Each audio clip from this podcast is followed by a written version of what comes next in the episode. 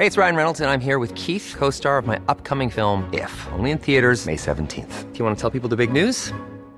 All right, I'll do. Sign up now and you'll get unlimited for $15 a month in six months of Paramount Plus Essential Plan on us. Mintmobile.com slash switch. Upfront payment of $45 equivalent to $15 per month. Unlimited over 40 gigabytes per month. Face lower speeds. Videos at 480p. Active Mint customers by 531.24 get six months of Paramount Plus Essential Plan. Auto renews after six months. Offer ends May 31st, 2024. Separate Paramount Plus registration required. Terms and conditions apply if rated PG.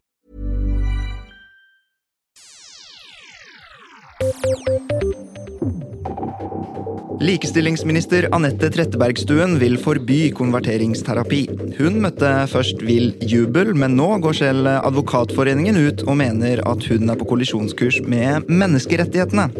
Man kan ikke forby voksne mennesker å snakke sammen, mener enkelte. Burde forslaget om å forby konverteringsterapi kastes i søpla? Veteranjournalist Odd Isungset raser mot årets kvinnelige medieleder, som er en pris forbeholdt kvinner. Denne uken ble Dagbladets eh, sjefredaktør Alexandra Beverfjord titulert prisen, men Isungset mener at kvinner bør få slippe å konkurrere i sin egen liga. Han spør seg retorisk om kvinner er så dårlige at de må kjempe i sin egen klasse. Burde vi slutte å dele ut kjønnsdelte priser? Nasjonalmuseet vant denne uken prisen som ingen vil ha, nemlig Arkitekturopprørets grøssmedalje. Grøss-medalje. Arkitekturopprøret har kåret Nasjonalmuseet til årets styggeste bygg, noe som vekker kraftige reaksjoner. Er Nasjonalmuseet virkelig så ille? Du hører på Etikk og estetikk. Podkasten er tilbake i sin fjerde sesong og åttende episode. Produsent er Adrian Eriksen, researcher Peter André Hegg og programleder det er meg, Danby Choi.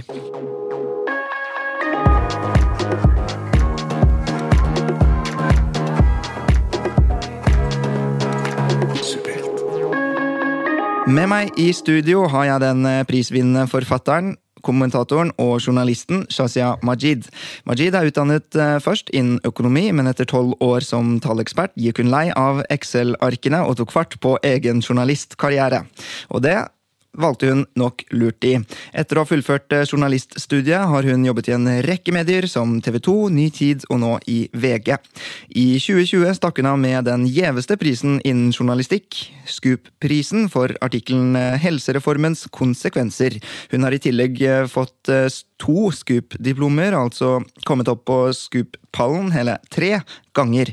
Det første diplomet fikk hun i 2016 med saken UDs bistandskonsulenter. Så fikk hun den eller det igjen, i 2017 for barnevernsmilliardene. Majid får også utløp utløp for eh, skrivelysten som forfatter. Hun har eh, vunnet eh, Sakprosaprisen og var også nominert til Brageprisen for boken Ut av skyggene, som handlet om hennes egen mor og andre innvandrerkvinner som kom til Norge fra ikke-vestlige land på 1970-tallet. Fra 2021 har Majid jobbet som kommentator i VG. Velkommen så mye til deg, Shazia Majid. Takk skal du ha. Hva er egentlig forskjellen fra å gå som nyhetsjournalist til kommentator? Først må jeg si at jeg ble, ble satt ut av den lange introen. Det er så hyggelig å bli introdusert på en sånn måte. Det er ganske imponerende. Du bare glemmer å se deg tilbake, tror jeg. Ja, jeg ble litt sånn um, Overgangen, ja. Du, det har vært en ganske brå uh, overgang. Jeg var jo gravejournalist i seks år. Jeg har jo vært i VG i elleve år, og egentlig vært en sånn gravejournalist, datajournalist i alle årene, og så eh, kommet fra dagsorden eh, eh, Og egentlig ganske på toppen av karrieren som prisvinner av Scoop, over til kommentatorrollen, hvor jeg har vært livredd. Jeg er redd hver dag når jeg går på jobb, fordi jeg syns det er utrolig utfordrende. Men det var et bevisst valg. Jeg hadde lyst til å utfordre meg, jeg hadde lyst til å være litt ubekvem eh, på jobben, og, og syns det er eh, litt vanskelig. Det er, det er, vanskelig Hva er det som er vanskelig? Eh, å mene noe sterkt i Norges største avis. Det er selvfølgelig utfordrende ofte eh, handler det om man, man, får jo Og dette her Nå skal vi snakke om skjønn og disse prisene og sånt, men eh, jeg vet ikke om det er en kjønnsmessig ting, men eh, vi kvinner, mange kvinner jeg kjenner, eh, tenker jo at de ikke er gode nok. Ikke sant? At du, du, du Og jeg sier det ofte, jeg, um, jeg konkurrerer jo ikke, men jeg er på en måte i en elitedivisjon, altså hvor mine kolleger er enormt dyktige og så bærer du et jeg har en følelse av at jeg bærer et ekstra ansvar på vegne av så mange identiteter, da. Så, men det er utrolig gøy og en veldig privilegert posisjon å være i. Du har eh, vært i journalistikken eh, veldig lenge nå. og eh, Hva vil du si er ståa for journalistikken i dag? Um, jeg, jeg, er veldig imponert over hva pressen får til. Hvor, og i de senere årene så har det stått mye, mye klarere hvor utrolig viktig pressen er. Vi, vi, altså Pressens rolle er under press, om man kan si det sånn.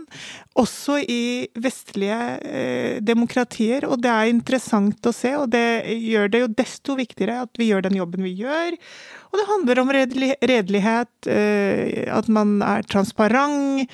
Eh, og at man gjør det, den innsatsen da, hvor den du faktisk eh, kritiserer, ja, får muligheten til å svare for seg, osv. Så, videre. så det eh, Norsk presse, norsk journalistikk, er i verdensklassen, egentlig. Og eh, du har uh, vunnet, uh, eller stått på skupallen tre ganger. Hva slags journalistikk er det du lager, og hvorfor, hvorfor, hvorfor har du havnet der så ofte? Fordi at eh, jeg har jobbet med veldig veldig, veldig gode kolleger og hatt en helt strålende eh, sjef i Anders Sot Knutsen, som, som, leder eh, Dagsordengruppen. Ja, men nå er det jo ikke de som sto der på pallen.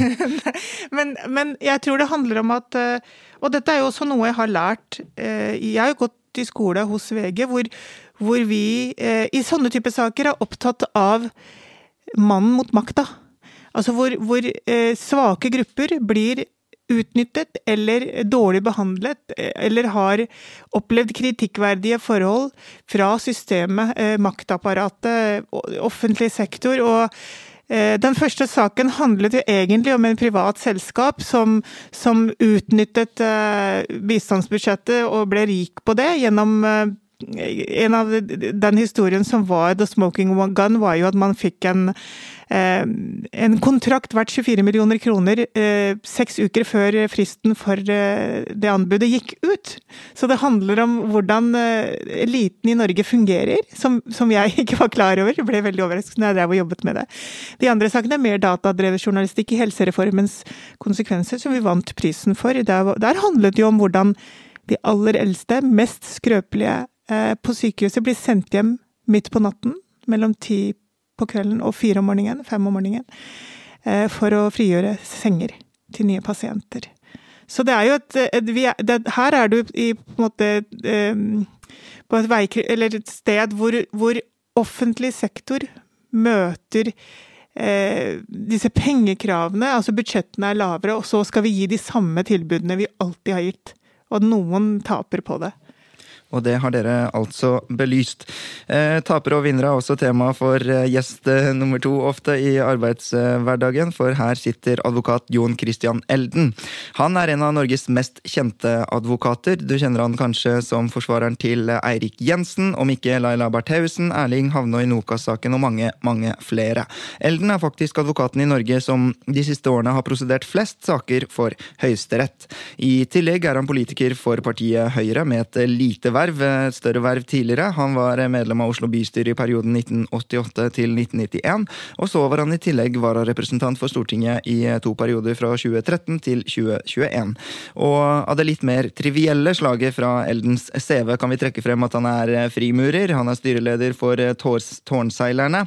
Og som eh, er en forening eh, som skal fremme klassiske verdier i eh, kunst, litteratur og utøvende kunst. Men han er også kommandør av Den gylne gris eh, for sin innsats for studentersamfunnet i Oslo. Velkommen så mye til deg, Jon Christian Elden.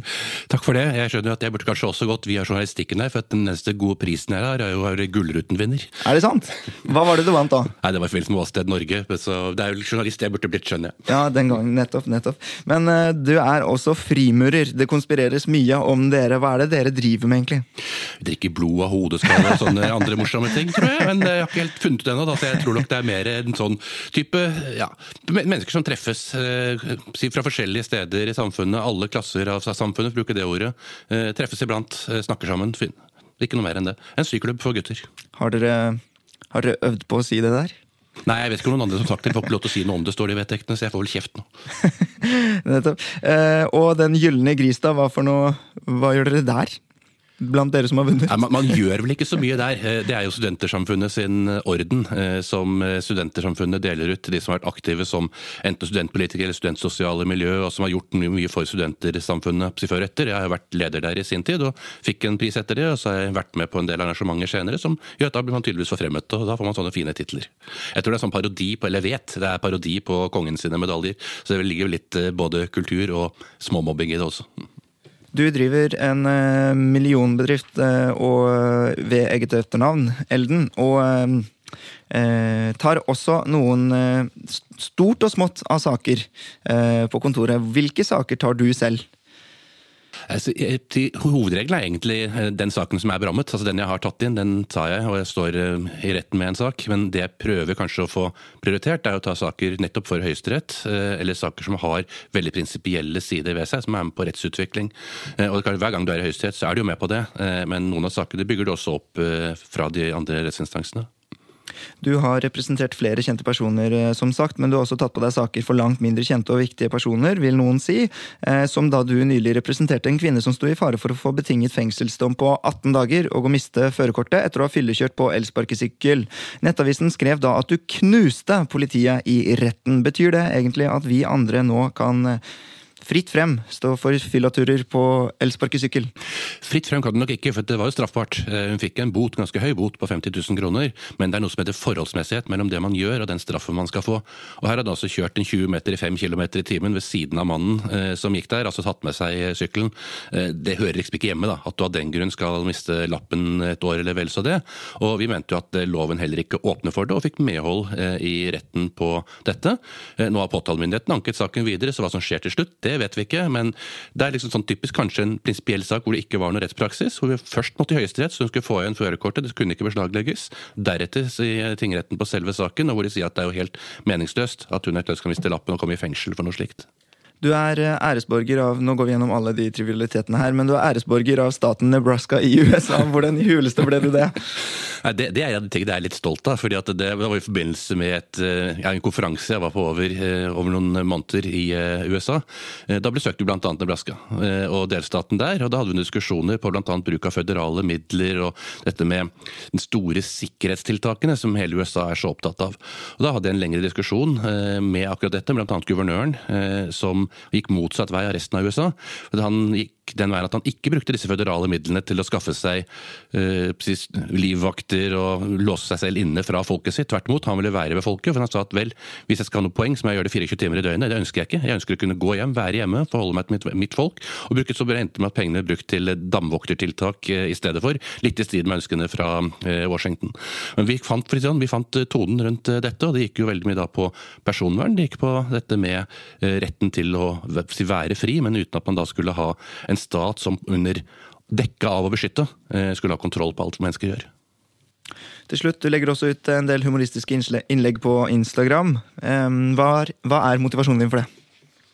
Nei, Du må jo ha litt moro i hverdagen også. Du finner så mye eh, interessante og morsomme ting eh, på nett. Og dels aviser som driver og roter i seg selv og ikke har satt sammen overskriftene sine riktig.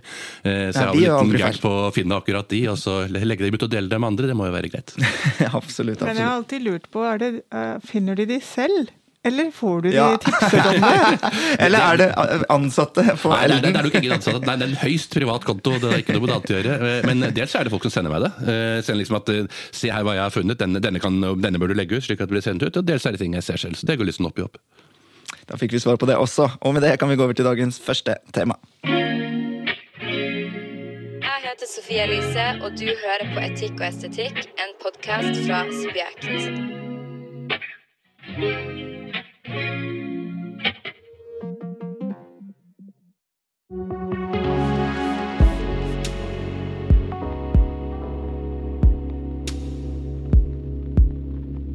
Likestillingsminister Anette Trettebergstuen vil forby konverteringsterapi. Hun eh, møtte først vill jubel, men eh, nå går selv Advokatforeningen ut og mener at hun er på kollisjonskurs med menneskerettighetene. Burde forslaget om å forby konverteringsterapi kastes i søpla? Mm, nei. Ellen? Ja. Og da starter vi hos deg, Shazia Majid. Eh, Hvorfor eh, sier du nei når hun altså kanskje er på kollisjonskurs med menneskerettighetene? Kanskje. Det er ikke, det er ikke etablert. Eh, Det som slår meg, er at vi kanskje ser annerledes på psykisk vold sammenlignet med fysisk vold. Psykisk vold er ikke synlig. Det å, jeg ser på konverteringsterapi som psykisk vold. Um, og så kan man si på en måte Poenget her er jo at hun det hun foreslår, det regjeringen foreslår, er at det skal totalforbys for voksne og barn. Tidligere var det jo bare de over 18, under 18 år som ikke skulle utsettes for konverteringsterapi. Utgangspunktet her er jo at man skal inn i samtale for å um, ikke lenger være homo eller skeiv. Og da har man allerede et utgangspunkt for hva man ønsker med en sånn samtale, og en sånn type manipulasjon. Og jeg finner det veldig um, opprørende og problematisk. Uh, og så hører jeg hva Advokatforeningen sier, og jeg har forståelse for også det standpunktet. Det er bare det at jeg opplever det sånn at uh, det juridiske systemet ser annerledes på, på, på, psykisk vold sammenlignet med fysisk vold. For eksempel Altså, det, det, er kanskje en veldig søkt sammenligning, men jeg har jo også tenkt på dette her med kjønnslemlestelse. Det er jo et fysisk inngrep med store konsekvenser. Og konverteringsselskap, sier jeg. Terapi. Terapi har jo, er jo psykisk overgrep med store konsekvenser. Men, men jeg tenker hvis en voksen kvinne, da, i, i, ved sine fulle fem og, og, har tenkt seg om og ønsker å gjennomføre f.eks. kjønnslemlester fordi at hun blir tvunget inn i det, eller føler seg presset til det, og det, dette er hennes måte å bli akseptert på, da, i, i sin uh, gruppe, eller osv. For det er veldig mange kvinner som, som er kjønnslemleste, som forsvarer det. Ikke sant? Er det da ok, eller er forskjellen på det fysiske, rent fysiske overgrepet? Så det er derfor jeg, jeg heller mot uh, et nei, da, om at vi skal skrote et sånt eh, forslag. Og må jeg også si, Dan B, at, at Trettebergstuen gjør jo det klart at dette ikke handler om at ingen voksne skal få snakke sammen, mm, mm. men at det er den der bevisste manipulasjonen som er, ligger til grunn da, for konverteringsterapi. Ja, fordi det må jo gå an å definere dette og isolere fenomenet, sånn at det går an å forby det. Hva tenker du? Jeg tenker dette blir litt sånn som diskusjonen om hijab også. Skal man forby bruk av hijab for alle fordi at noen eventuelt føler seg presset til å gå med det? Man vil ikke få gjennomslag for en slik tese. Man styrer og bestemmer over sin egen kropp, både fysisk og psykisk, og bør gjøre det.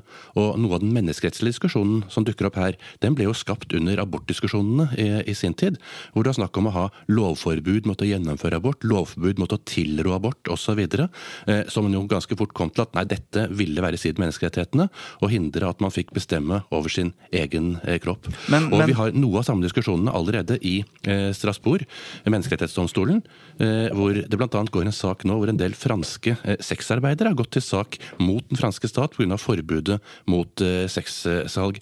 Så det er klart at det er mye av den type ting som dukker opp for voksne personer.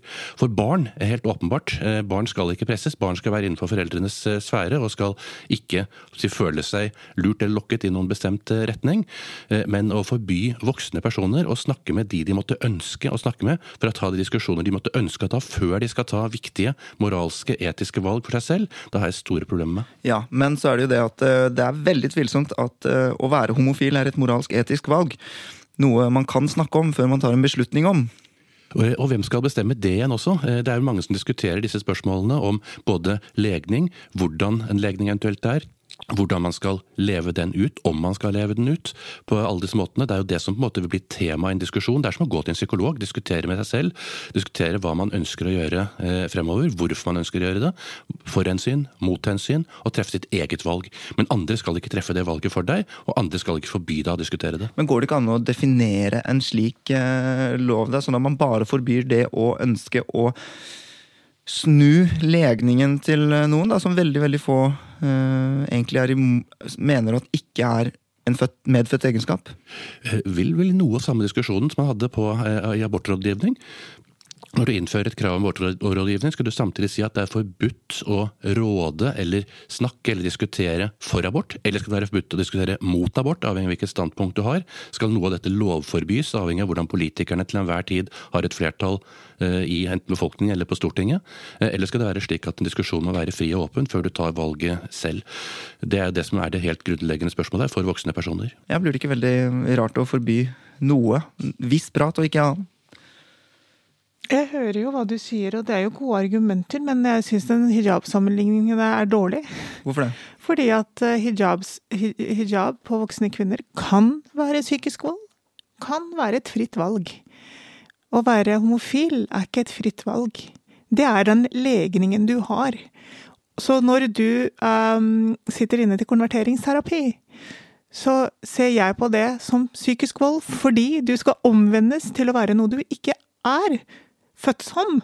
Så hijab er jo Altså, kvinner kan jo ta den av og på sånn som de vil, voksne, hvis det er det de ønsker. Så den sammenligningen syns jeg ikke Akkurat den sammenligningen syns jeg er dårlig, men jeg forstår jo dette her med at voksne mennesker selv skal kunne få eh, snakke med hvem de vil og gjøre det de vil. Det er bare hvor utrolig giftig konverteringsterapi er. Altså, hvorfor, kan ikke, hvorfor må vi ha det? Hvorfor kan ikke folk bare gå til vanlig terapeut eller rådgivning og, og få den hjelpen de trenger, da? Men, men Målet her er jo at de ikke lenger skal være homofile. Men Begrepet ble jo først innført fordi at man skulle ønske å forby eh, en type rådgivning. Altså Konverteringsterapi, hvor er det begrepet dukket opp fra si, gamle dager? Altså, du går og diskuterer, du går til psykologen din, du snakker med psykologen din. Det kan være spørsmål om hva du selv ønsker å gjøre eller ikke ønsker å gjøre. Hva du ønsker å leve ut, ikke ønsker å leve ut. Eh, og så er det da innført et begrep som sier at en viss type råd de kan man ikke forholde seg til. En viss type diskusjon kan ikke terapeuten få lov til å gjøre eller gi deg, fordi at det skal være i strid med spørsmålstegn, spørsmålstegn, spørsmålstegn. Det skal være i strid med hva, er mitt spørsmål. Men sånn som jeg ser det, da, for jeg er jo veldig opptatt av eh, den psykiske volden i dette um, Slik jeg skjønner det, um, så er det jo Det er jo skadelig og slik jeg hører deg, Ellen, så kan det jo virke som at psykisk skade ikke er så eh, Fordi det ikke er håndgripelig. Så altså, vi, vi har jo lover for å beskytte folk fra fysisk og psykisk skade. Vi har veldig få lover som forbyr mennesker å bestemme over seg selv, bestemme over sin egen kropp, bestemme over sin egen helse. Der er utgangspunktet at det skal man kunne gjøre, og så skal det fryktelig god grunn til å forby det. Eh, og sånn, selv i ytterste konsekvens så har vi ikke engang forbud mot selvmord, hvis du setter det på spissen, eh, fordi at det er opp til enkeltmennesket å foreta valg uten at strafferetten skal gripe inn i dem. Det betyr ikke at vi ikke arbeider mot det. Det er masse eh, offentlige og private instanser som jobber mot selvdrap, naturligvis, men man bruker ikke strafferetten som tilnærming. Kan man ikke bygge dette nedenfra og opp på en måte, og eh, kjempe imot det? Gjennom debatt, gjennom påvirkning og alt annet, slik vi ikke forbyr alt vi ikke liker. Jo, det er jo det er et alternativ. Jeg er bare opptatt av hvordan disse mekanismene fungerer i de miljøene hvor dette er aktuelt. Og det er jo religiøse miljøer veldig ofte, da. Eh, hvor det foregår denne type samtaler hvor utgangspunktet er at du eh, At homofili er noe du kan snakkes ut av.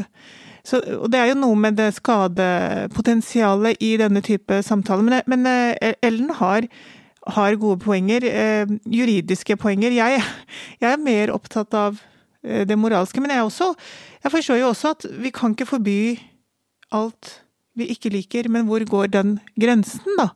Det, er, det føler jeg ikke er så svart-hvitt, egentlig. Vi har jo veldig levende og åpne diskusjoner hele tiden, også om f.eks. rasismeparagrafen nå nylig. Så det er jo ikke uh, open chat-sak i dette her. Uh, og jeg syns Trettebergstuen egentlig svarer godt for seg. Uh, men helt åpenbart så føler jeg jo at altså, den type terapi burde være forbudt for barn. For voksne er det liksom litt mer litt mer oppe til diskusjon, da. Ja, Det er ikke problemet med at det er en type forbud for kontakt mot barn. Det kan begrunne i mange andre ting eh, enn at det er konverteringsforbud som sådan. Det er spørsmål om hvem skal påvirke si, barna eh, som sådan. Eh, hvilket ansvar har foreldrene for dette? Kan man får diskusjonen eh, vel om det, er, det, foreldrene eller da denne konverteringsterapeuten eh, som eventuelt eh, står i diskusjonen til å påvirke sine egne barn. Altså Du har mye som ligger der, som gjør at barn kommer i en særstilling. Men spørsmålet er overfor voksne. Det er der utvidelsen har gått nå i det nye forslaget, og hvor det ikke bare er snakk om å forby at man skal markedsføre det og rette seg aktivt ut mot personer, men forbudet er jo foreslått fra regjeringen at skal gå på i det hele tatt å ytre seg i en slik retning. Og det er da det går altfor langt. Regjeringen har ikke tenkt å forby verken bønn eller samtaler mellom barn og foreldre. Det vi ønsker, er å forby konverteringsterapi, altså forsøk på å gjøre skeive folk streite, skriver Anette Trettebergstuen i Aftenposten. Ser du for deg at det går an å formulere noe sånt? Jeg kan ikke se for meg hvordan en lov skal se ut med en slik formulering. og Det er ikke det som ligger i lovforslaget fra regjeringen heller. De har gått mye lenger i selve forslaget. Men det er mulig at de nå har sett noe på høringsinstansene og tenkt at ja, vi gikk vel egentlig altfor langt, nå må vi prøve å neddefinere det til det vi egentlig ønsker å forby. Mm. Og det blir litt av samme runden som man hadde eh, da Norge vedtok eh, forbudet mot ja, sexkjøp her i Norge. Mm. Og man sier at ja, formålet er å hindre menneskehandel, mens virkningen ble så veldig veldig mye mer og bredere enn det. Og så var det også interessant at uh, det kom en sånn liten krise rundt denne saken, fordi at uh, Anette Trettebergstuen hadde sagt at uh, Lovavdelingen hyllet forslaget som regjeringen da hadde kommet med. Mm -hmm. uh, og så kom Minerva med en da avsløring i litt i anførselstegn også, fordi at de hadde snakket med Lovavdelingen, som da viste seg å ikke hadde, snakket, ikke hadde hyllet dette forslaget, i hvert fall. og så kommer Anette Trettebergstuen og slår tilbake igjen nå, fordi at hun mente egentlig justis Eh, departementet, som, eh, som KUD, Kulturdepartementet, samarbeider med. Og hun, de, de hadde hyllet forslaget, da. Da spørs det jo hvem du så får snakke med. Lovavdelingen er en del av Justisdepartementet, men det er de som skal ha peiling på lover og menneskerettigheter osv. Og, så videre, og gi råd til regjeringen i så måte.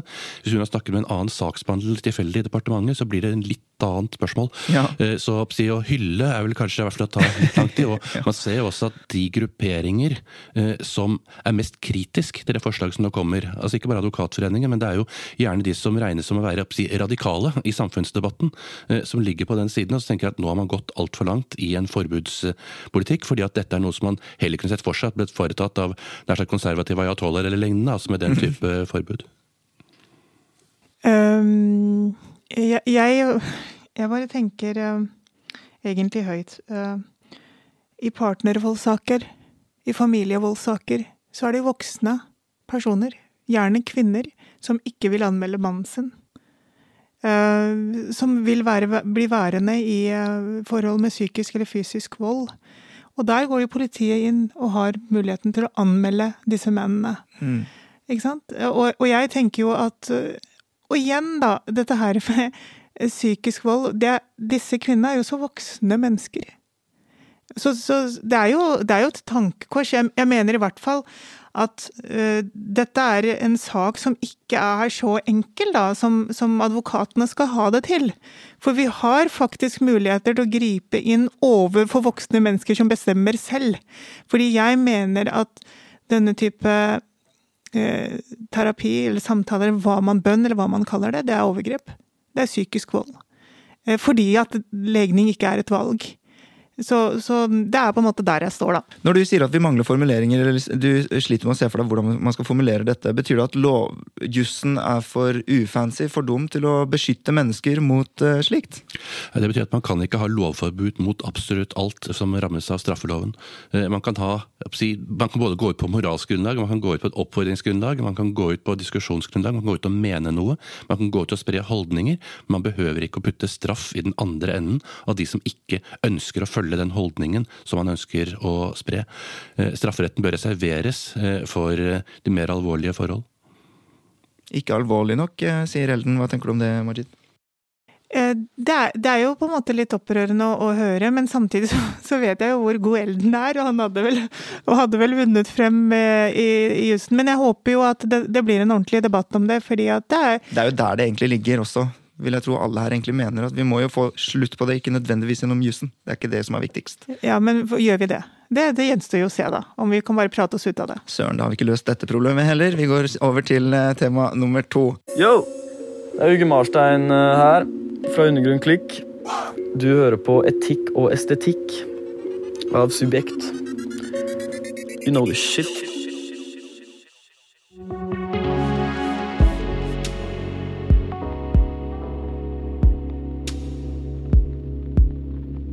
Veteranjournalist Odd Isungset raser mot årets kvinnelige medieleder, som er en pris forbeholdt eh, kvinner. Denne uken ble Dagbladets eh, sjefredaktør Alexandra Beverfjord titulert pri prisen, men Isungset mener at kvinner bør få slippe å konkurrere i sin egen liga. Han spør seg eh, retorisk om kvinner er så dårlige at de må kjempe i sin egen klasse. Burde vi slutte å dele ut kjønnsdelte priser, Jon Christian Elden? Nei. Hva tenker du, Shazia Majid? Tja. Ja. Det er, um, Det, det, er- jo fristende å svare tja for meg også, da. Du tvinger meg til å svare ja eller nei til å begynne med. Så Ja, da gjør ja. jeg det. Nettopp. eh, Men eh, hvorfor sier du det? Jeg, jeg synes eh, Oppfølgingsspørsmålet er eh, litt feil. Han kunne bare snu det andre veien. Er det fordi at eh, menn er så dårlige at eh, kvinnene må operere i en egen klasse? Altså Ikke at det er mennene som trenger det. Det er mange måter å snu det argumentet på, men jeg tror ikke det er temaet i det hele tatt. Eh, Vi har, det er på en måte ikke noe veien for å ha ulike kategorier, ulike diskusjoner, ulike priser. Eh, Det er bare hyggelig, for å si det sånn. Ja, men... og jeg tenker jo at det at Alexander Bever vinner dette, hun hadde vunnet nøyaktig det samme prisen hvis det hadde vært totalt antallet medieledere i Norge i det hele tatt. For hun er flink. Eh, Og nå er det vel slik at både i mediene som sjefsredaktører, akkurat som det begynner å bli advokat- og juristbransjen, så er det jo flertall av kvinner som dukker opp der. Altså, hva er problemet da? Men det er jo en pris som sikkert ble innført i sin tid for å løfte dem, og det er bra. Jeg eh, er jo eh, feminist og en kvinnesakskvinne, men jeg er litt eh, usikker i denne saken. Fordi er de, er de gode til å være kvinner? Det verste som kan skje meg, er om noen sier at du er eh, god til å være svart eh, som journalist. Og når jeg vant eh, SKU-prisen og fikk disse diplomene, så følte jeg at etter mange, mange år med drithardt arbeid, så kunne jeg endelig senke skuldrene, for jeg var ikke lenger eh, Ingen kunne eh, eh, mistenke meg for å være the token black guy i VG. At jeg var eh, en maskot for VG fordi jeg var muslim og, og mørkhudet. Eh, jeg vet jo, fordi at jeg sitter i Scoop-styret, og også med de begrunnelsene, hvor utrolig smalt det nåløyet er å få en sånn journalistpris. Det har ingenting med min eh, hudfarge eller skjønn å gjøre i det hele tatt. Så, så det var den endelige bekreftelsen på at eh, jeg ikke Og det, er, det skal ikke være sånn, men det er sånn jeg har opplevd det. Så det å, å bli, få tilgang til rom, eh, eller tilgang til en stol ved det bordet fordi man er kvinne, det, det, har en, det er en bittersøt opplevelse, da. Så, så jeg, eh, jeg kan forstå at det har vært en tid hvor denne prisen har vært veldig viktig. Og jeg, men jeg er litt usikker om vi er ute av den tiden. Vi har mange flere Nettopp. sjefredaktører. Og vi har mange flere mellomledere, men vi har fortsatt eh, en overvekt av mannlige journalister. Det har tatt veldig lang tid, og en av grunnene eh, til at vi er der hvor det går mye bedre nå, er jo denne type oppmuntring, den type anerkjennelse som er viktig for å inspirere andre eh, til å, å satse på en sånn type karriere, da. Men jeg kan jo også se for meg noen sporter og konkurranser hvor dette er hensiktsmessig, men er det fortsatt det i mediebransjen, er vel egentlig spørsmålet. Jeg gikk jo ut av eh, Journalisthøgskolen i 2016, og det var vel eh, i hvert fall tre fjerdedeler eh, damer. Og sånn er det altså på journalisthøyskolene fortsatt, så dette problemet er i ferd med å løse seg. I hvert fall. Ja, Nå er det ganske mange steder i Norge hvor du har såkalte kvinnenettverk, og det er en grunn til at man har dem. Jeg syns det er positivt å ha det i Forsvaret, f.eks. For Og det er jo nettopp for å inspirere, for å få frem talenter, og for å få dem til å ville stå frem på en måte som kanskje gutta har vært flinkere til å bruke albuene tidligere, uten at det har noe med verken faglighet eller kunnskap å gjøre. Eh, Slik at eh, det er jo et poeng eh, i seg selv eh, å løfte eh, talenter frem, uansett hvilket kjønn de har. Men da må du også tillate at du har konkurranser innenfor kjønnene. Eh, Det er ikke bare i sporten hvor det er nødvendig, hvor du kan si at ja, ja, men der er det sånn fordi at det er fysisk forskjell, så man har forskjellige regler. Det kan være grunn til det overalt.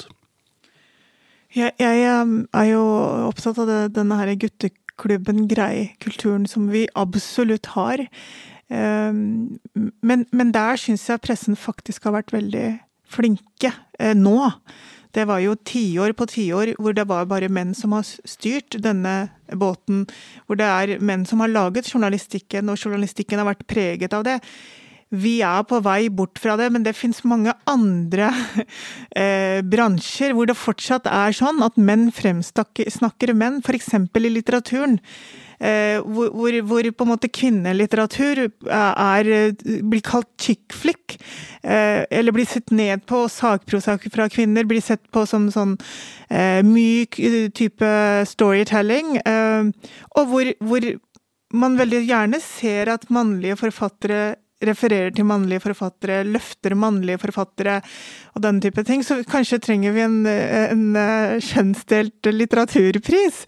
Um, det, det, er egentlig sprøk, vi gjør ikke det, altså. men, men, men, kanskje kunne du hatt noen fordeler også? Ja, men, jeg, men jeg har veldig sansen for at uh, vi har kvinnelige kanskje nettverk. At det er kvinner som er mentorer for kvinner. fordi at vi er ikke der at regelen er at det er kvinner som er sjefer i pressen heller, og særlig på mellomledernivå. Det kreves veldig mye arbeid og innsats over mange, mange år før du får nok pool til at du kan plukke de beste fra begge kjønn. Så, så det har vært veldig store skjevheter, da. Men trenger vi prisen? Jeg vet ikke, altså. Kanskje slipper det om ti år?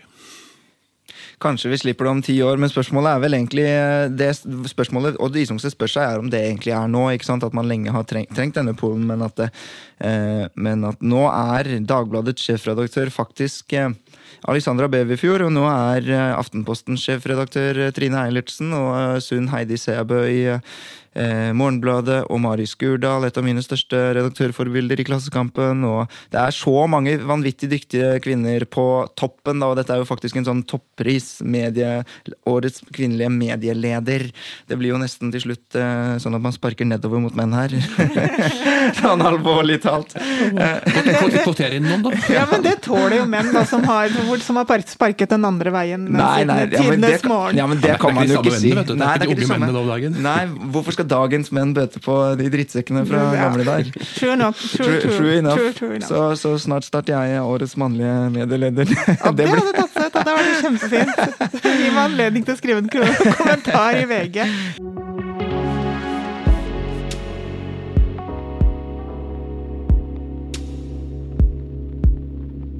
Nasjonalmuseet vant i anførselstegn denne uken prisen som ingen ville ha, nemlig arkitekturopprørets Grøss-medalje. Arkitekturopprøret har kåret Nasjonalmuseet til årets styggeste bygg, noe som vekker kraftige reaksjoner. Er Nasjonalmuseet virkelig så ille, eh, Shazia Majid? Jeg har ikke vært der. Jeg har ikke vært inne, men jeg har sett den. Ja, Men nå snakker vi faktisk om fasaden, tror jeg. Ja, vi snakker om fasaden. Vet du hva? Ja eller nei? Er det så ille? Nei. Er det så ille, Ellen? Nei. Ok, Da får jeg ta på meg hatten og mene at det er skikkelig stygt, selv om jeg ikke gjør det. Hvorfor mener du det ikke er så ille? Uh, jeg elsker Munch-museet. Som folk hater, som tapte i fjor. Mm. Jeg skrev en panegyrisk hyllest av Munch-museet når jeg var der inne. Da jeg, jeg, jeg så den, og jeg tenkte ok, jeg skjønner det ikke helt. Når jeg var der inne, bare alt falt på plass, og jeg var frelst.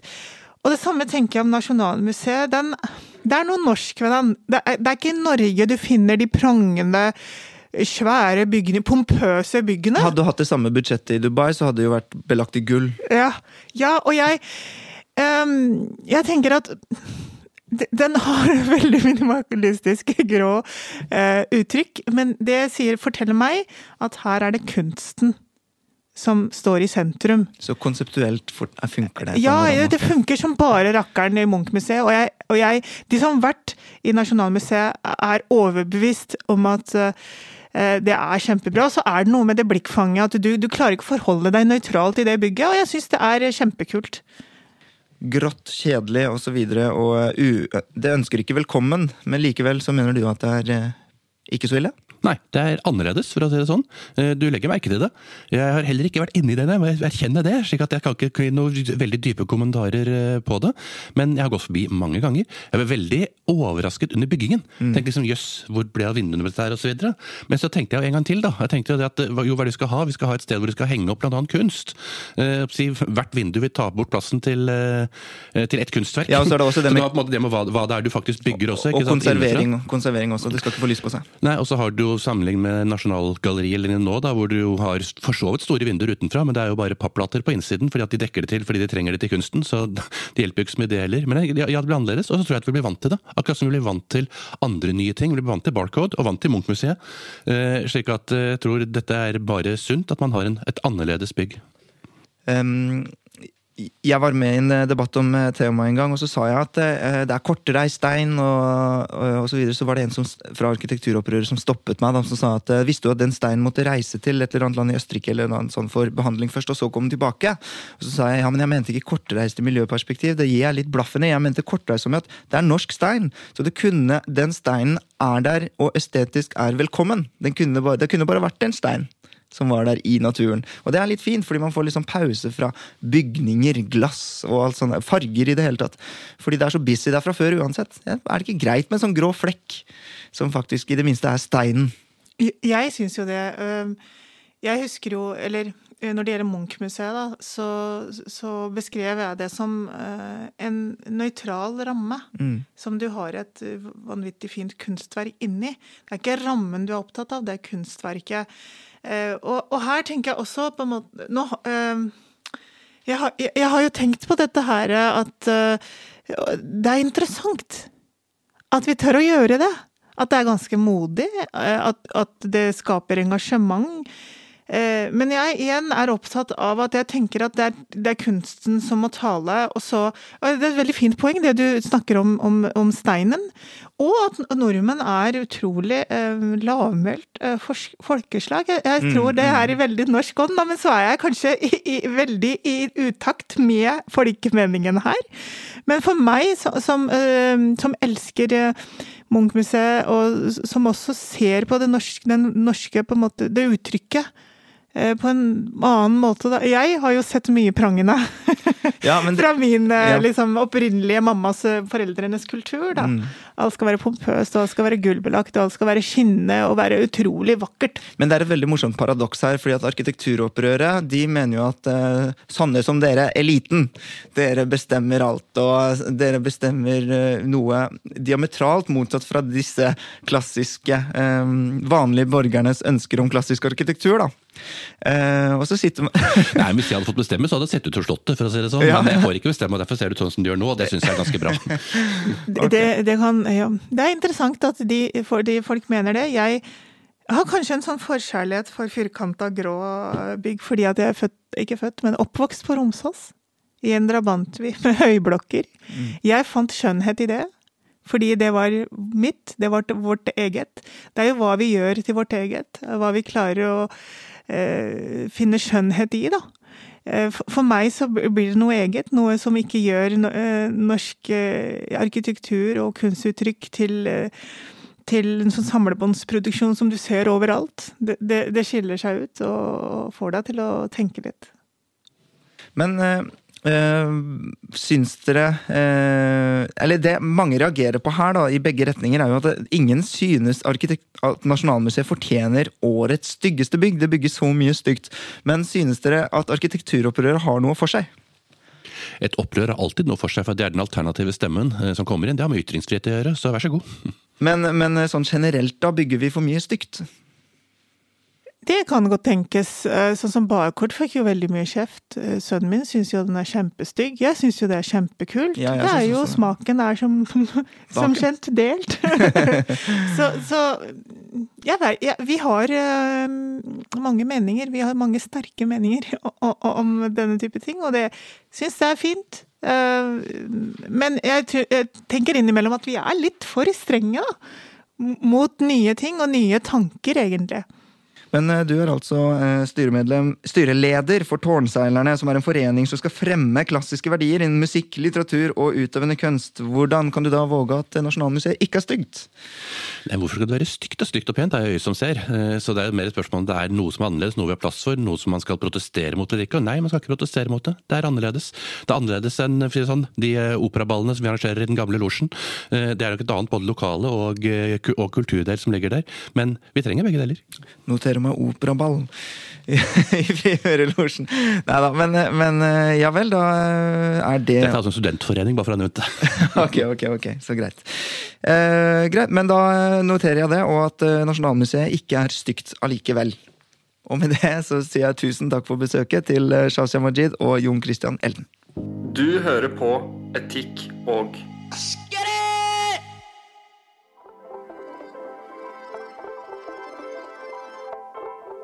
Tusen takk til eh, gjestene som eh, nok en gang eh, bidrar med kunnskap og klokskap til subjekt og etikk og estetikk. Vi er tilbake om en uke med nokså stjernespekket gjesteliste da også, og for øvrig som vanlig. Vi håper at du kan følge oss der hvor det er relevant. På Facebook så har vi også en egen Facebook-gruppe som heter Etikk og estetikk. Der diskuterer vi samtaleemner som er relevant for podkasten, rett og slett. Og for subjekt, selvfølgelig. Det er også veldig hyggelig om du kan legge igjen en sånn stjernerangering på Apple Podkaster, om det er der du hører på oss, eller anbefaler podkasten videre til den du ønsker å gjøre det til. Ellers så har jeg lyst til å si tusen takk til Fritt Ord, som siden start har støttet Subjekt, men også podkasten Etikk og estetikk, og spesielt sesong fire.